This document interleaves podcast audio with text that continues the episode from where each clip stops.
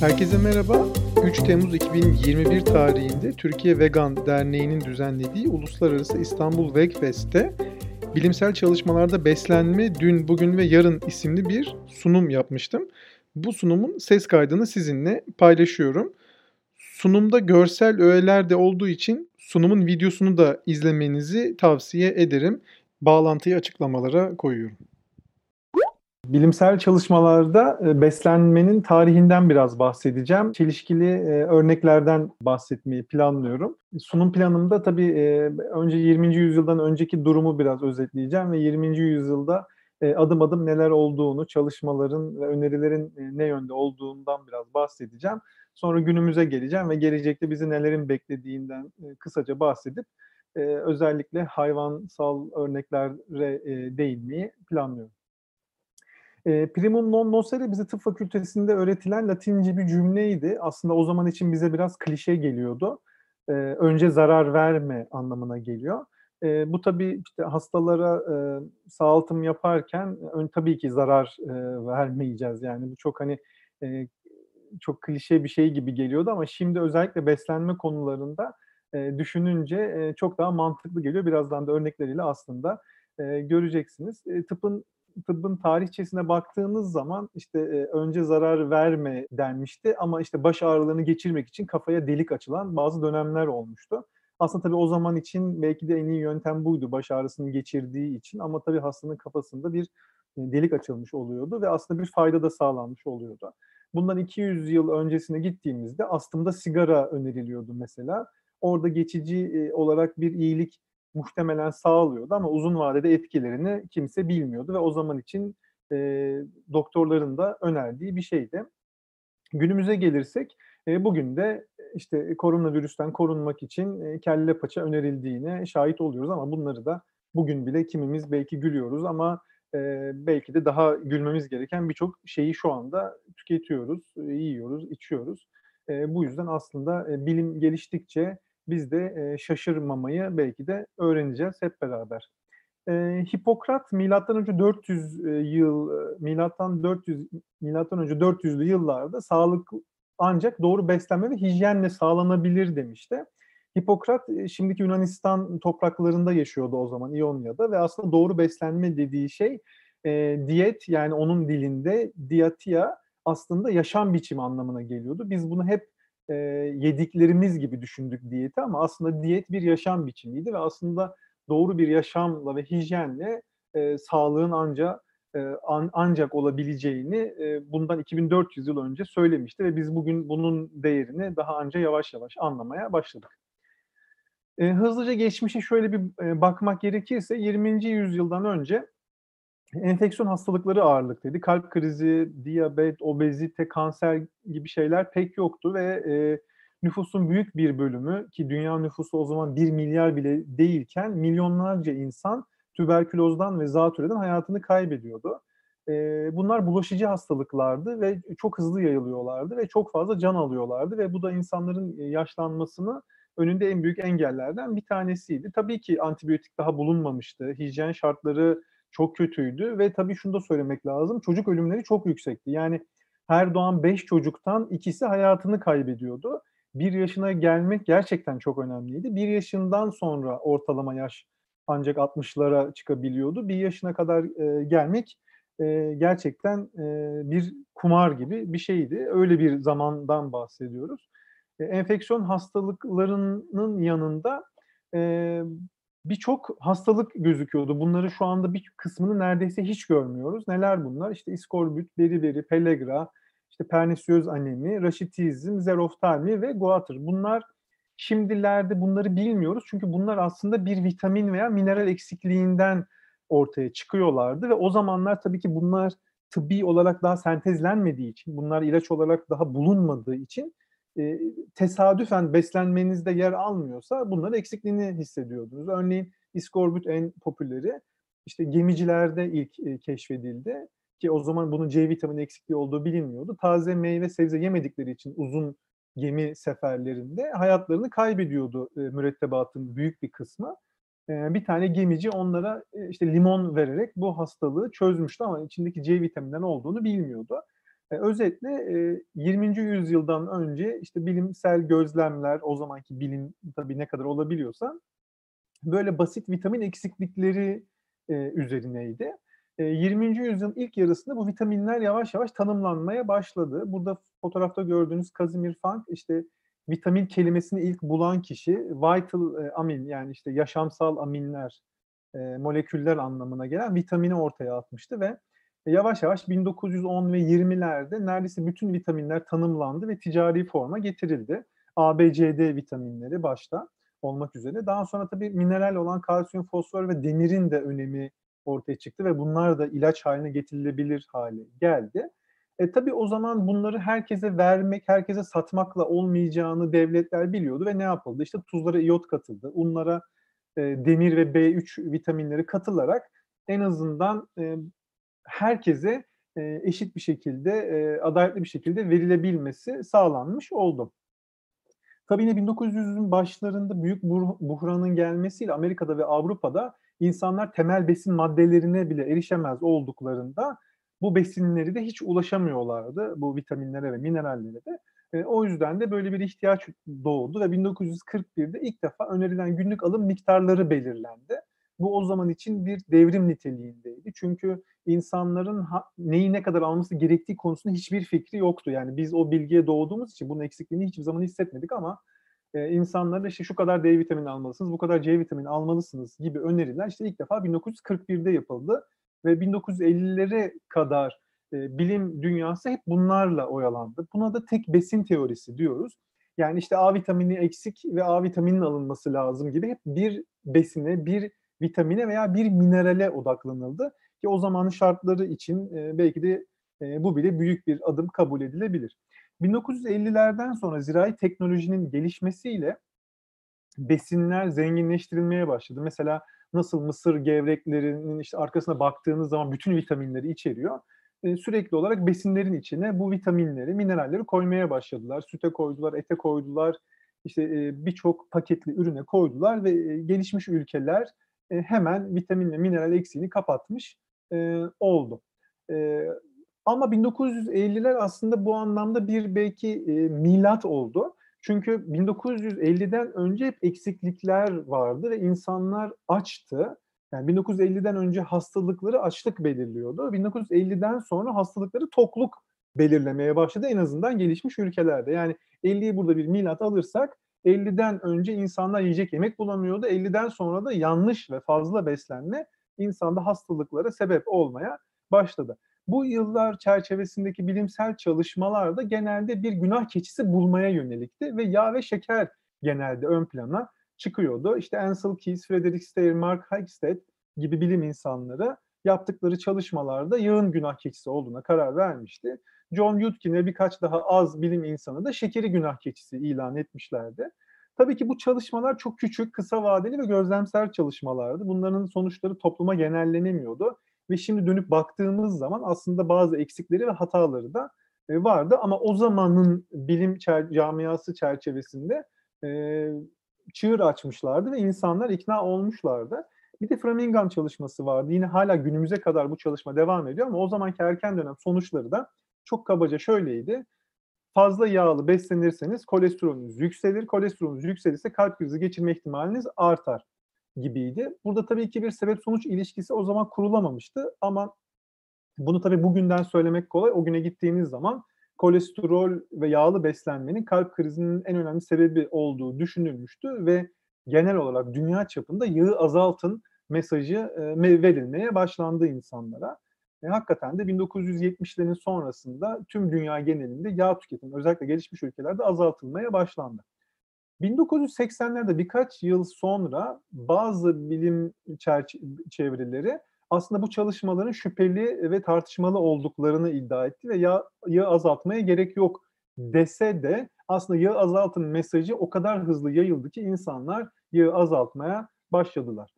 Eee, buradaki sıkıntı şuydu yine, tek besin teorisi burada da hâlâ devam ediyordu. Yani bir günah keçisi bulmaya çalışıyorlardı ve bu da o zaman için yağ ilan edilmişti. İşte yağ değil diyenler de şekeri günah keçisi ilan ediyordu. Bunların komplike veya beraber bir etkisi olduğunu düşünen yoktu. Tek besin teorisi deyip duruyorum, ne anlama geliyor? Şu eksik veya fazla olan besini tespit et, o besini izole et. O tek başına fizyolojik etkisini değerlendir ve hastalık için optimum alım seviyesini ölç. Yani işte A vitamini eksik, evet eksik. A vitaminini ver. Ne kadar vermen lazım? En az veya ne kadar verirsen fazla olur gibi bilimsel çalışmalar hep bu minvalde dönüp dolaşıyordu. E, bu biraz daha ilerleyince yıllar 1950'lerden sonra da işte yağla beslenenler, şekerle beslenenler işte kalp krizi geçiriyor gibi yine bir tek besini günah keçisi ilan etmek üzerine devam etti. Bu yıllarda gelişmemiş ülkeler daha hala yeterli kalori alımına erişememişti ve hala eksik vitamin ve mineral e, eksikliği çekiyorlardı. E, bu noktada da aslında Kwashiorkor ve Marasmus, e, benim gibi 40 yaş ve üstü olanlar hatırlayacaktır e, bu görüntüyü. Böyle karınları şiş, çok zayıf Afrikalı çocuklar. Bunlar haberlerde, belgesellerde hatta bazen müzik kliplerinde karşımıza çıkıyordu. E, bu çocuklar açlık, işte proteinsizlikten bu hale geliyor diye o zamanlar ilan edilmişti e, 70'lerde. E, ve o zaman madem ki proteinsizlik bu çocukları bu hale getiriyor, o zaman proteini mamalarda arttıralım dendi ve dünyada büyük bir proteinli mama furyası başlandı. Her ne kadar bu proteinli mama furyası başladıktan bir 10 sene sonra aslında bu çocukların sıkıntısının proteinsizlik olmadığı, açlık olduğu ortaya çıkmış olsa da e, artık protein e, endüstrisi çoktan, mama endüstrisi çoktan e, belli bir noktaya gelmişti ve milyon dolarlık bir sektör haline gelmişti ve ilginç olarak da hala da bugün varlığını sürdürüyor.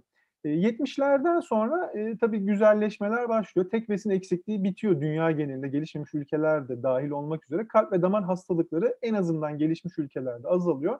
Ama bu sefer de obezite, tip 2 diyabet ve bazı kanserler artmaya başlıyor. Fazla beslenmeye bağlı ve rehberlerde bunlarla baş edecek şekilde düzenlenmeye çalışılıyor.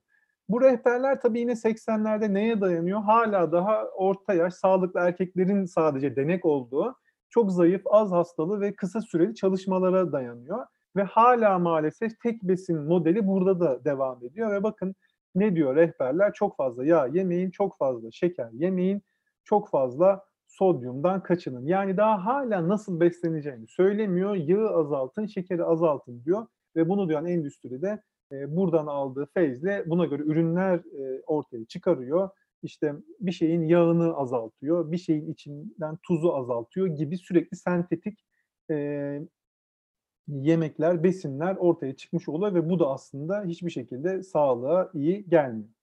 90 sonrası artık bilimsel gelişim iyice artıyor ve küçük ve geriye dönük kısa süreli çalışmalar yerine büyük, ileriye dönük ve uzun vadeli çalışmalar ortaya çıkmaya başlıyor. Kohort çalışmalar, randomize klinik çalışmalar ve genetik analizler devreye giriyor. Bu da tabii ki hastalıklara spesifik tedavilerin ve beslenme şekillerinin ortaya çıkmasına sağlıyor. Tabii ki çok daha açıklayıcı bilgiler ama hala daha anlamak için gerçek doğruyu yetersiz kalıyor. Ve tabii ki burada da beslenme çalışmalarının zorluğunu da unutmamak lazım. Yani siz örneğin yumurta ile ilgili bir çalışma yapıyorsunuz. Yumurta yağından doğru kötü ilan edeceksiniz ama yumurtaları ölçüyorsunuz ama aslında o denek farklı kaynaklardan farklı yağlar alıyor. Bunları homojenize etseniz bile işte kimisi daha az sigara içiyor, daha çok sigara içiyor, kimi daha fazla spor yapıyor gibi o kadar çok karıştırıcı faktör var ki hiçbir zaman salt bir doğruya ulaşmak mümkün olmuyor. Tam tersi bu sefer de karıştırıcı bilgiler devreye girmiş oluyor. Ha ne oluyor? Tabii ki artık şeker yerine daha rafine karbonhidratlardan bahsediliyor. Glisemik indeksten bahsediliyor yağ asidi, protein tipleri devreye giriyor, fitokimyasal devreye giriyor ve besinin yapısı, hazırlanışı ve işlenmesinden bahsedir hale e, geliyoruz ve Akdeniz diyeti ve vejeteryan diyette bu yıllarda ön plana çıkıyor. E, bugüne gelindiğinde bugün artık e, yani ölmek ve kalp krizinden ziyade kilo vermeye yönelik, antiinflamasyona yönelik ve daha şuuru açık, aktif ve uzun bir yaşama arayan bilimsel çalışmalar e, dizayn ediliyor ve yapılıyor ve tabii ki bu farklı verilerden farklı sonuçları çıkaran gruplar işte paleolitik, ketojenik, vejeteryan, glutensiz bunları savunuyor ve ön plana e, çıkarıyor. Gelişmemiş ülkelere geldiğimizde bu sefer de fazla takviyelere bağlı problemlerin ortaya çıktığını görüyoruz. Demirle, sıtma, folik asit ile vesaire ama burada işte gelişmemiş ülkelerde de en önemli sorunlardan bir tanesi hem yetersiz beslenme hem de yanlış beslenmenin ortaya çıkardığı sonuç. Yani yanlış beslenme derken yeterli ama fazla veya yanlış içerikli olduğu için aslında bunların ikisi de e, en nihayetinde ölümcül ve e, riskli olduğunu biliyoruz. Peki gelecekte ne olacak? Gelecekte bu karmaşıklık aydınlatılmış e, olacak diye tahmin ediyoruz. Genetik epigenetik çalışmalar, mikrobiyotamız yani bizimle yaşayan bakteriler ve bize onların yarattığı sonuçlarla ilgili birçok daha veri gelecek. Yani işte sütün içinde kalsiyum var, kalsiyum kemiğe lazım değil. İşte bağırsağımızdaki bakteriler o sütü ne yapıyor, ondan aldığı maddeleri nereye salıyor, ne yapıyor gibi çok daha komplike sonuçlarla bir besinin vücudumuza nasıl etki ettiğini anlayacağız ve tıp biraz daha bireyselleşmiş olacak. Şimdi esas odak konumuza gelelim. Bu bilimsel çalışmaların nasıl evrildiğini gördük ve size bunu bazı örneklerle vereceğim. Örneğin tabii bilimsel çalışmaları burada size yığmayacağım önünüze. Sadece çok özet ve kabaca söyleyeceğim. Et bildiğiniz gibi kırmızı et özellikle en önemli demir kaynaklarından bir tanesi olduğu söyleniyordu. Maalesef hala daha en önemli e, tıp kitaplarında kırmızı, e, demir eksikliğinin en önemli tedavisinin kırmızı et olduğu söyleniyor. İşte vitamin, mineral içeriği, esansiyel amino asitleri içermesi de tabii e, hayvansal proteinin en önemli iddialarından bir tanesi ki bunu söyleyen yüzlerce bilimsel çalışma var ki tabii ki doğru. Ve etin kolesterolün de sağlıklı olduğunu hayvan eğer yeşillikle besleniyorsa iddia edenler de var. Oysa bugün daha güncel bilimle biz biliyoruz ki etin içinden aldığımız karnitinin vücudumuzdaki mikroplar tarafından işte trimetil aminlere ve kanserojen maddelere çevrildiğini biliyoruz. Etin içinde trans yağ olduğunu biliyoruz. Bu bize hiç söylenmiyor. Trans yağın inflamatuar etkisi ve insülin direnci yaptığını bugün biliyoruz ve etin asidik bir yapıda olduğunu ve vücudumuzun asidik beslenmeyi hiç sevmediğini de biliyoruz. Bakın mesela işte e, kırmızı etin içinde heme demir e, vardır denir. Heme demirin e, ve işlenmiş etlerden gelen nitrozil hemenin nasıl DNA hasarı yaptığını ve kanser nasıl kanserleşmeye yol açtı, açabileceği burada gösterilmiş. Bunlar artık yavaş yavaş ortaya çıkıyor. Burada da işte etten aldığımız karnitin ve yumurta ve süt ürünlerinden aldığımız kolinin bağırsağımızdaki bakteriler tarafından nasıl trimetil aminlere çevrildiğini ve bu trimetil amin oksitlerin nasıl oksidasyona yol açtığını ve kalp krizi inme ve yine kanserleşmede metastaz yapma ihtimalini nasıl arttırdığı bugün artık ortaya konmuş durumda. Ee, sadece içindeki karnitin de değil, trans yağlar değil, pişerken ortaya çıkan heterosiklik aminlerin ve e, polisiklik aromatik hidrokarbonların da kanserojen olduğunu biliyoruz. Bugün kırmızı etle ilişkilendirilmiş birçok kanser tipini ve e, burada görüyorsunuz. E, bu da az önce söylediğim e, iddianın işte çok yakın zamanda yayınlanmış bir e, örneği. Hayvansal besinlerin DNA'da nasıl hasara yol açtığını anlatan güzel bir çalışma. E, bunu da inceleyebilirsiniz. Süte gelirsek süt bildiğiniz gibi çok önemli bir kalsiyum kaynağı. Evet maalesef öyle ve hep bunu yıllarca kullandılar. Vitamin ve mineral içeriyor çünkü içine koyuyorlar. Kemik sağlığı, kanser ve diyabetten bizi koruduğu yıllarca bize söylendi ve kalp hastalıklarından. Oysa içindeki kolinle yine vücutta oksidasyonu arttırdığı, içindeki kazeinle kazomorfine dönüştüğü ve bağımlılık potansiyeli yaptığı ve bugün kazomorfin çok fazla otizmle ilgili çalışmada da araştırma konusu ve yine trans yağ içermesiyle enflamasyonu tetiklediğini de biliyoruz. E, işte bize yine söylenmeyen bir bilgi e, hamile veya loğusa ineklerden geldiği için sütün içinde ineğin östrojenlerinin olduğu ve vücudumuzda da aktif aktifliğini devam ettirdiğini biliyoruz. Çok özetle yine bu çalışma Süt e, ve Sağlık isimli çalışma yıllarca sütle ilgili tüm iddialarının e, tüm ortaya atılanların hiçbir geçerliliğin olmadığını söylüyor. Ne söylüyor? İnek sütü insan beslenmesine evet katkı sağlamaktadır ama bu besinler vazgeçilmez değildir. Başka kaynaklardan da alabilirsiniz. Sütün kemik kırıklarından bizi koruduğunu gösteren hiçbir bilimsel çalışma yoktur. Çalışmalar varsayımlara dayanmaktadır. Sütün yapılan çalışmalarda diyabetten veya kalp hastalıklarından bizi koruduğunu gösteren hiçbir net bulgu yoktur. Bizi kanserden koruduğu da büyük bir yalandır. Çünkü prostat ve rahim kanseri riskini arttırmaktadır.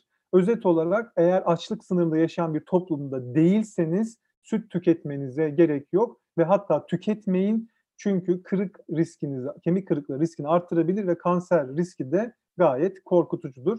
E, balığa da gelirsek o da omega 3 için biliyorsunuz bildiğiniz gibi çok övülüyor.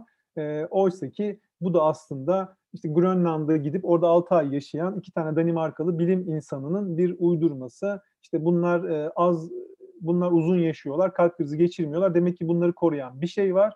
Aa ne var? Farklı olarak balık yiyorlar. O zaman omega 3 diyebilir, e, omega 3 olabilir diyorlar ve bu bilgi milyonlarca dolarlık balık yağı endüstrisine ortaya çıkarıyor ve yine omega 3'ün bizi kalp sağ, kalp krizinden koruduğu, beynimizi sağlıklı tuttuğu da büyük bir yalan. Balıkta da yine kolin var, mikrobiyatamızda yine kanserojen maddelere dönüşüyor, trans yağ var, inflamasyonu artırıyor ve hepsinin ötesinde bu gezegende yiyebileceğiniz en toksik gıda balıklar çünkü ciddi toksin içeriyorlar çünkü denizden geliyorlar. Poliklerinli bifeniller, dioksinler ve mikroplastikler. Bakın balığın yememize sebep olan bu DART çalışması, 89'da yayınlanan DART çalışması haftada en az 2-3 porsiyon balık yiyen DART çalışması aynı bilim insanları tarafından 2003 yılında tekrarlandığında kalp krizi riski olabilir diyor. Ama sizin ve bizim bundan haberimiz yok. Biz 89'daki bilgi ve bundan yapılan reklamlarla e, yola çıkıyoruz.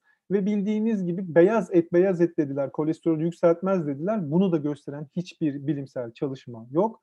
Yine omega 3'ün beyin sağlığına dair en ufak bir katkı sağladığını gösteren de bir bilimsel çalışma yok. Genelde bilimsel çalışmalar mevcut olanlar hep varsayım üzerine o olabilir, bu olabilir, o olabilir, bu olabilir diye ama bunu gösteren hiçbir çalışma yok. Tıpkı diyabetten olmadığı gibi ve kanserojen olabileceğine dair de neden? Çünkü içinde o kadar toksin var, vücudumuzda birikme yapıyor ve organlarınızda e, yüklenerek kanser riskini arttırıyor ve hatta Amerikan Tıp Odası'nın e, bir yayınında da balık yağı e, takviyesi ticaretinin durdurulması gerektiği söylenmiş 2012'de ama e, hala daha milyon dolarlık bir sektör. Yumurta da yine e, hızlı geçeceğim. Protein olduğu için sağlıklı olduğu söyleniyor ve aynı şekilde yine enflamasyonu yol açıyor.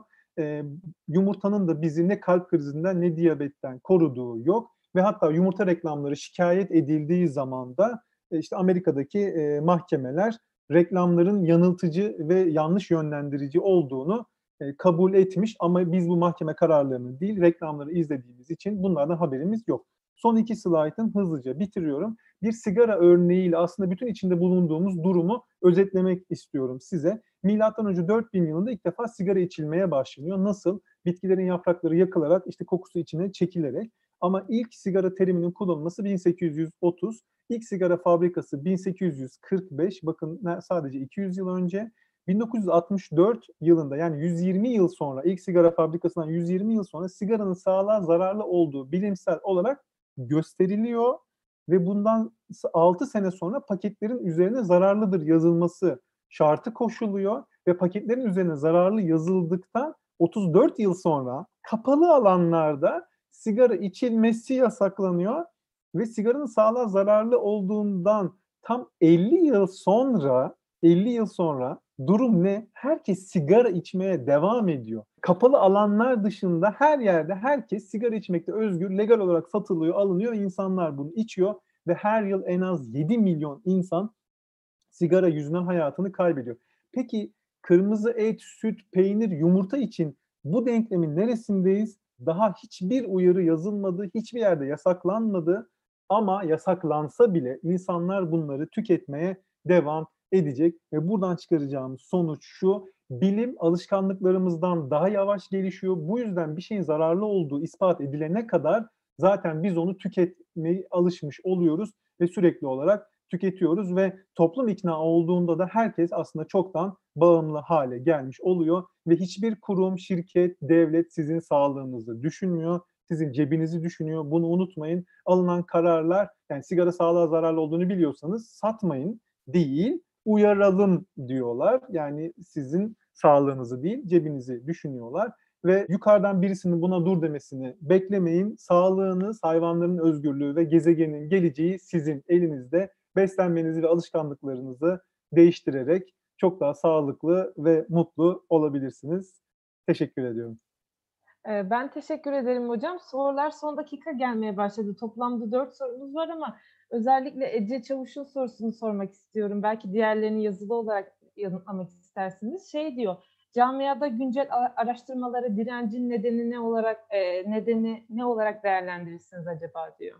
Çok fazla e, nedeni var. Bunlardan bir tanesi alışkanlıklar. İnsanlar aslında kötü alışkanlıklarıyla ilgili bir kötü haber duymak istemiyor. Bilakis iyi haber duymak istiyor.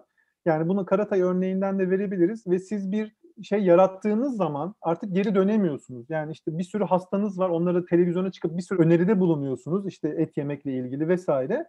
Bilim çıkıp da bunun tersini söylediğinizde geri adım atmaya çekiniyor çoğu insan. Bu alışkanlıkları kırmak zor geliyor ve belki de kolayına geliyor ama yavaş yavaş bunu büyük markalar da yine bilim çevreleri de yani vegan olmayan bilim çevreleri bile artık bitkisel beslenmenin faydalarını ikna olmuş durumda ve yavaş yavaş dediğim gibi şu an tam bir virajdayız aslında. Dönüşü alıyoruz şu anda ve e, önümüzde bir an bir düzlüğe gireceğiz ve yani veganlık bir kenara ama bitkisel beslenme e, birçok hastalıkta çok daha ön planda olacak. Bunu hep beraber yavaş yavaş göreceğiz. O yani endişenin sebebi şu dediğim gibi tam bir viraja denk geldik ve insanlar şu an tam algılama fazındalar ve bu yavaş yavaş değişecek hep beraber göreceğiz.